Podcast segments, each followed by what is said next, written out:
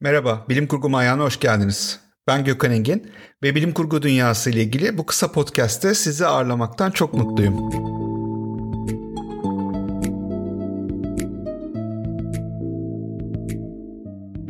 Bu yayında bilim kurgu dünyasının ilk başta göze görünür yüzünün arkasına bir göz atıp bu ilk bakışla göremeyebileceğimiz ne gibi insan hikayeleri, ne gibi semboller, ne gibi fikirler ortaya çıkıyor hep birlikte inceleyeceğiz.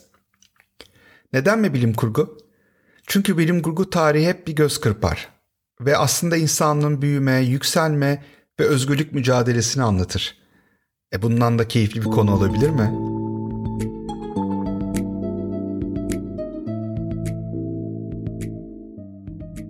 Başlamadan her zamanki gibi formatı da çok kısa hatırlatayım. Podcast iki ana kısımdan oluşuyor. İlk kısımda bir insan hikayesine bakıyoruz. Burada bilim kurgu dünyasından bir karakteri inceliyoruz ve empati kurarak onu anlamaya çalışıyoruz. İkinci kısımda ise yine bilim kurgu dünyasında gördüğüm ve günümüzdeki bilimsel ya da felsefi tartışmalarla ilgisi olan bir konuyu konuşuyoruz. Kapanışa geçmeden önce de kısa bir şekilde çok severek okuduğum ya da izlediğim bir bilim kurgu çalışmasından bahsedeceğim. Belki okumamış ya da görmemiş olan bu vesileyle deneme fırsatı bulabilir. Bugün 23 Ocak 2022. Haydi başlayalım.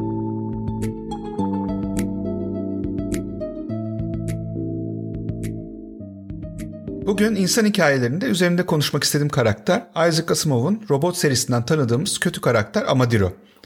Aslında kötü diyoruz ama o kendisinin bir vatansever olduğunu düşündü hep. Asimov'un yeni nesil bilim kurgu severler tarafından çok tanınmayabileceğinin farkındayım. Apple TV Plus'taki Foundation yani vakıf serisiyle belki ismini duyanlar, görmüş olanlar olabilir. Ama Asimov'un dünya bilim kurgu zenginliğine yaptığı katkıları burada bu kısa zamanda bu podcast'te konuşmak pek mümkün değil. Zaten misyonum da değil. Bu yayının daha önceki bölümlerinde birkaç kez adını andık zaten. Bundan sonra da anmaya devam edeceğiz. Ama benim için kişisel önemine de çok kısa burada değinmek isterim. Ben çeşitli sebeplerden dolayı içine kapanık, çekingen, genelde kendi yarattığı dünyasında kitaplara sığınan yalnız bir çocuktum. Günün birinde küçücük odamda yatağın üzerinde bir kitap gördüm. Asimov'un Caves of Steel kitabının Türkçesi Çelik Mağaralar. Yastığımın üzerinde duruyordu. Annem uzaya ve bilime olan ilgim sebebiyle kitapçıdan bu kitabı bulup almıştı ve benim okumam için yatağımın üzerine bırakmıştı. Zaten hep kendisi böyle ufak jestler yapar ve odama geldiğimde ya kitabın ya da bir çikolatanın ya da bir başka bir şeyin olduğunu gördüm yatağın üzerinde. Baskan yayınlarından 1983 yılında çıkmış olan bu kitap şimdi yeniden İtaki'den çıkmış. Okumanızı tavsiye ederim. Ama 8-9 yaşımın o buruk günlerinde Türkiye'nin ve dünyanın da bugünden çok farklı olduğu o zamanlarda Asimov'un yarattığı bu evrenle büyülenmiş ve çok kısa sürede diğer kitapları da çıktıkça hepsini nefes almadan okumuştum. Kimseyle paylaşamıyordum tabii çünkü pek anlayan yoktu çevremde. Ama robotlar, hiperuzay sıçramaları, anlık şekilde başka yıldızlara seyahat edebilme, Asimov'un araya sıkıştırdığı bilimsel anekdotlar ve bilgiler, bu şekilde bu hikayeler beni büyülemişti. Yani bunları sarhoşluk içinde okuyor, okuyor, okuyordum. Hikayeler içinde dedektiflik teması da vardı. Dolayısıyla oradan da bir şeyler öğreniyordum, keyif alıyordum. Ve karakterler arasında ancak yetişkinler arasında olabilecek diyaloglar da olduğu için onlardan da sürekli bir şey öğreniyordum. O kitapları o kadar çok tekrar tekrar okudum ki kapakları parçalandı, 3-4 parçaya ayrıldılar, dağıldılar. Geçenlerde eski odamı temizlerken buldum onları. Bir şekilde vedalaştık. Geçen yıllarda İngilizcesini oğluma da okuttum. Nedense aynı heyecanı göstermedi. Ama denemedik de demeyelim değil mi? Asimov'un bu dört kitaplık serisinde ki Amazon Kindle'da nedense dördüncüsü yok. Beni de çok rahatsız etti. Çünkü ben bir yaştan sonra hani dilde öğrendikçe bunları İngilizce okumaya başladım ve daha çok keyif almaya başladım tabii. Fakat bu dördüncüyü bulamadım. Neyse günümüzden bin yıl kadar sonra dünya ve kolonilerin hikayesi anlatılıyor bu kitaplarda. Dünya milyarlarca insanın üst üste alt alta sıkışık bir şekilde minimum standartlarla yer altındaki çelik şehirlerde yaşadığı bir yer haline gelmiştir. İnsanlar bu yer altındaki dev şehirlerden dışarı çıkmamakta hatta korkmaktadırlar dışarıdan. Kaynaklar ancak yetmektedir. Herkes neredeyse boğaz tokluğuna yaşamaktadır. Ve tabii artan nüfusla bu gidiş de gidiş değildir yani bizim deyimimizde. Dünyanın 50 tane kolonisi zaman içinde kendilerini dünyadan tamamen koparmışlar ve dünyadaki mikrop ve virüslerden de aranıldığı için yeni gezegenlerde insanların 300-400 yıl yaşadığı, robotlar sayesinde rahat ve lüks hayat sürdüğü, Nüfusun az olduğu ve dünyanın da aşağı görüldüğü gezegenler haline gelmişlerdir. Dünyada da robotlar kullanılmaktadır ama korku ve nefret arası bir duyguyla aşağı görülmekte, insanların işlerini aldıklarından dem vurularak sevilmemekte. Hatta burada Asimov Frankenstein kompleksi dediğimiz bir sosyolojik durumdan bahseder ki inceleyebilirsiniz. Ve insanlar bunları sevmediği için genelde devlet tarafından zorla belli hizmetlerde kullanılmakta ve şehir dışlarında zaten kullanılmakta. Günlük hayata da çok bir girmemektedirler, etkileri yoktur. Bu arada bu kolonilerde yaşayanlara yani dünyalılar uzaycılar demektedir. Bu gezegenlerin en güçlüsü lider konumundaki Aurora gezegenidir. Bu şafak anlamına geliyor. İlk koloni olduğundan en eski ve köklü olandır. Bugün inceleyeceğimiz karakter Amadiro da aslında oradan. Çok kısa tanımamız gereken 3 temel karakter daha var ki konuya girebilelim. Onları hızlıca inceleyelim. Robot serisinin ana kahramanı olan Bailey dünyada New York şehrinde bir dedektif olarak yaşamaktadır. Detaylarına girmeyeceğim maceraları sayesinde yolu uzaycılarla ve Aurora gezegeniyle kesişir. Amaduro'nun rakibi olan Dr. Fastov ki ikinci karakter bu şekilde tanışır ve işbirliği yaparlar. Dr. Fastov'un yarattığı ve ilk insana benzeyen robot olan Daniel Oliva ki bu da üçüncü karakter ile Bailey'in birlikte çalışması istenir. Hatta devlet tarafından zorunlu kılınır. Tabii kendisi önce karşı çıkar bu robot karşıtı duygular ve düşünceler yüzünden. Ama sonunda bu robota duygusal olarak arkadaşlık duygusuyla bağlanacaktır. Dr. Fastov dünyanın nüfus sebebiyle yok oluşa gittiğini düşünmekte. Uzaycı kolonilerin de rahatlıkları sebebiyle yozlaşarak yine yok olmalarından dolayısıyla aslında tüm insanlığın geleceğinin tehlikede olduğundan endişe etmektedir. Bu yüzden insana benzeyen robot teknolojisini geliştirmek ile hem dünyaların hem de uzaycıların tekrar koloniler kurarak yayılmasını ve insanlığın yıldızlara yayılarak sonunda galaktik bir imparatorluk kurmasını hayal etmektedir.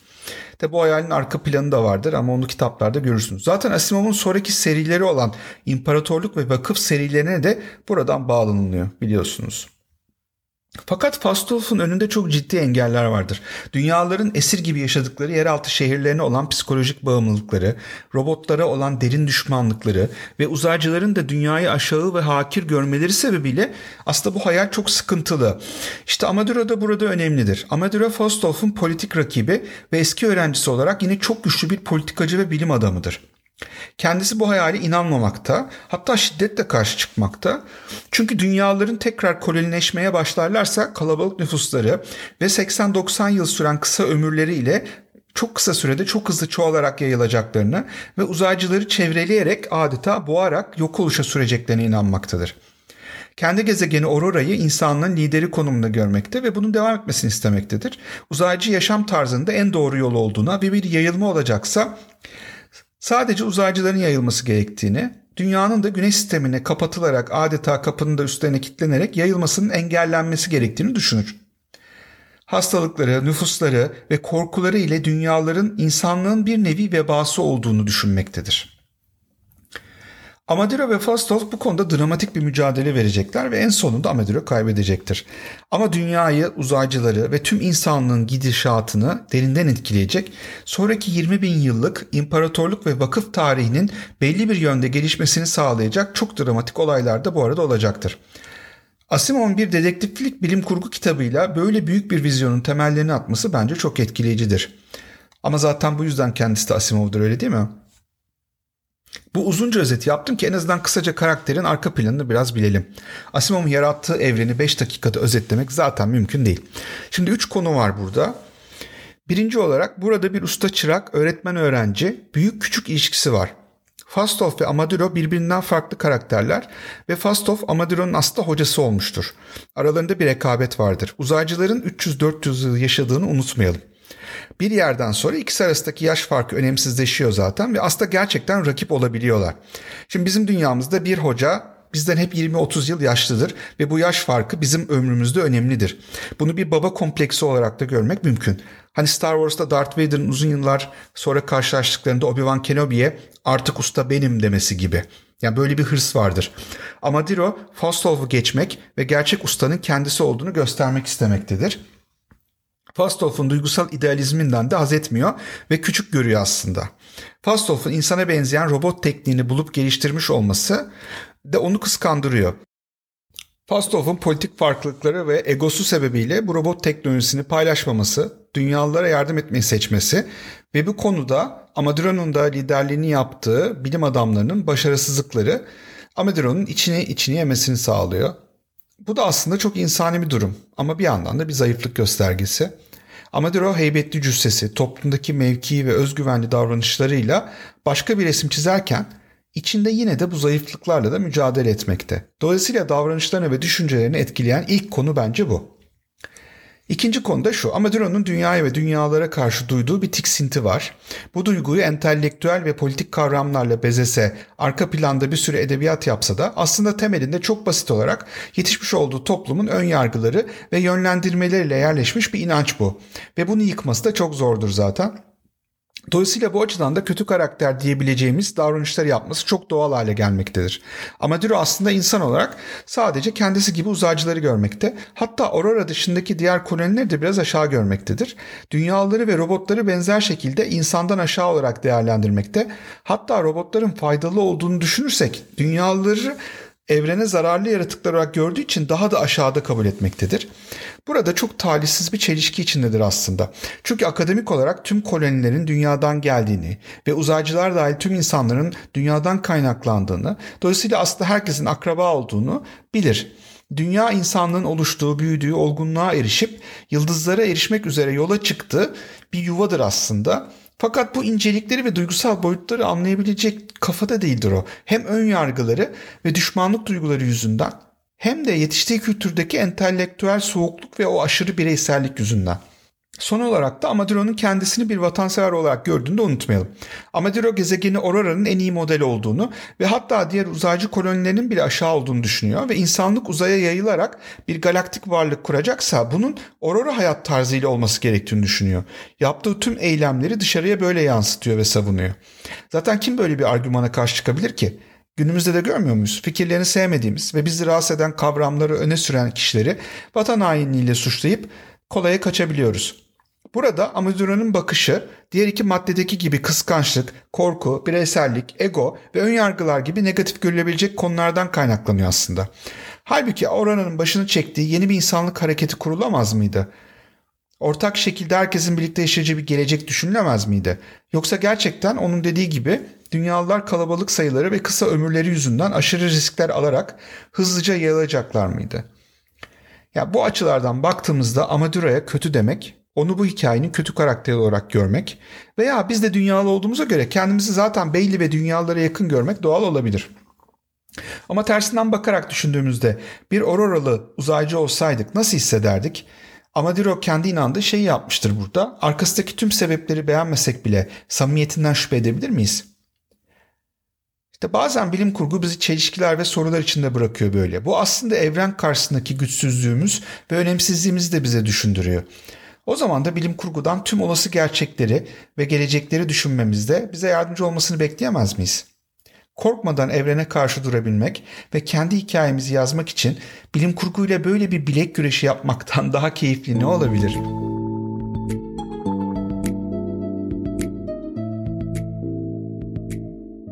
İkinci kısımda sizlerle konuşmak istediğim konu ise evrendeki başka yaşamlarla ilişkimiz üzerine.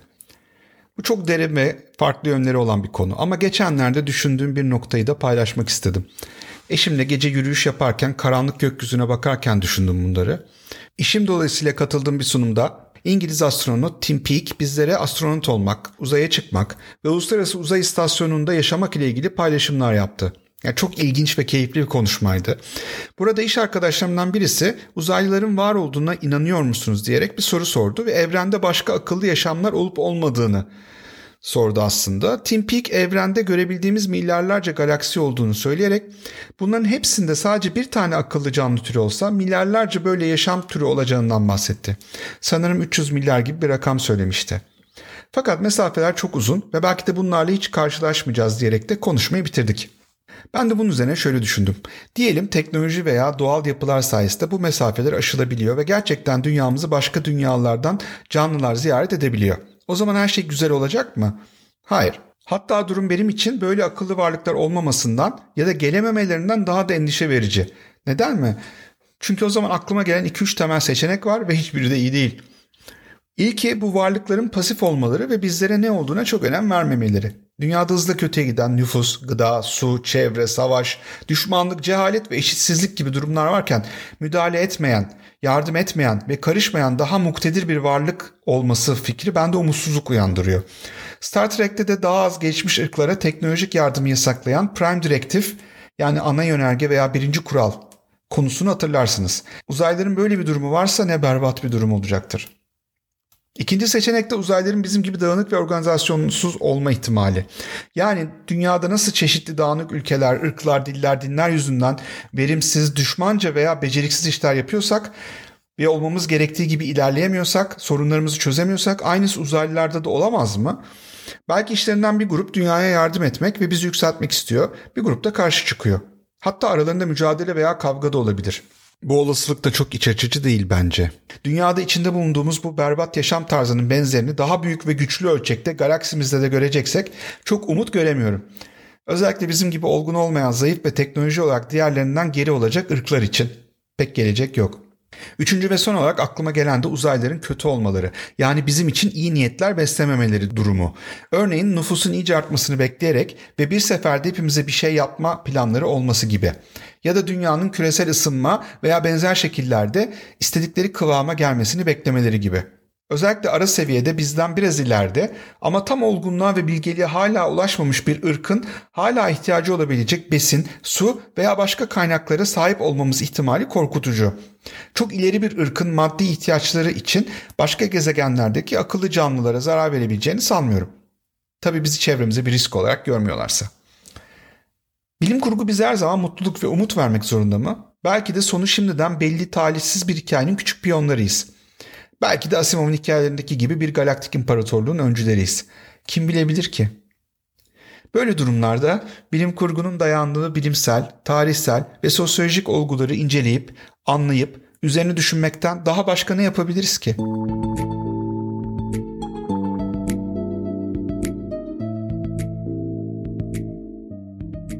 Kapanışa geçmeden bu bölümün tavsiyesini de paylaşmak isterim. Bugün tavsiye edeceğim günün konusuna da ilişkili olarak Asimov'dan bir kitap olsun isterim. The End of Eternity, Türkçe çevirisiyle Sonsuzluğun Sonu. Tam bizim podcast ruhuna uygun bir eser aslında.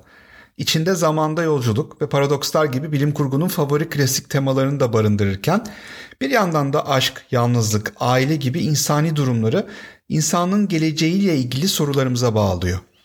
1955 tarihli bir hikaye olmasına rağmen günümüz için hala geçerli ve anlamlı bir hikaye bence. Bilim kurgu bir hikaye 60 yıl sonra okunduğunda hala heyecan verdiğinde ve bizi hayallere sürüklediğinde diğer klasikleşmiş hikaye ve kahramanlar gibi bizi sorulara ve duygulara boğduğunda daha da güçlü olmuyor mu?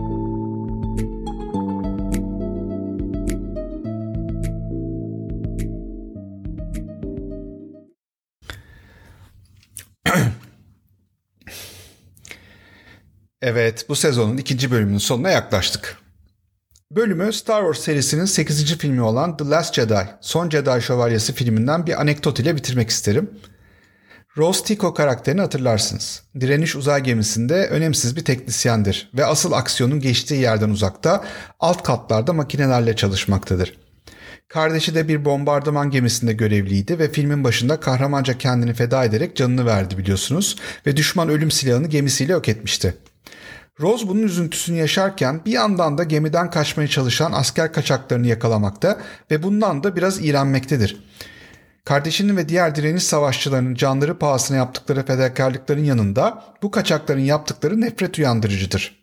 Rose'un bir sahnede söylediği şu söz bence çok güzeldir. Biz şu şekilde bu savaşı kazanacağız. Nefret ettiklerimize savaşarak değil, sevdiklerimizi kurtararak.'' Bu seride değeri pek az bilinmiş bu karakterin insan hikayesi de ayrı bir güzeldir. Bilim kurgu bizlere sürekli değişik insan hikayeleri ve maceraları göstererek bazı değerlerin zaman, mekan, gerçeklik üstünde olduğunu ve hep geçerli olacaklarını bizlere hissettirmiyor mu?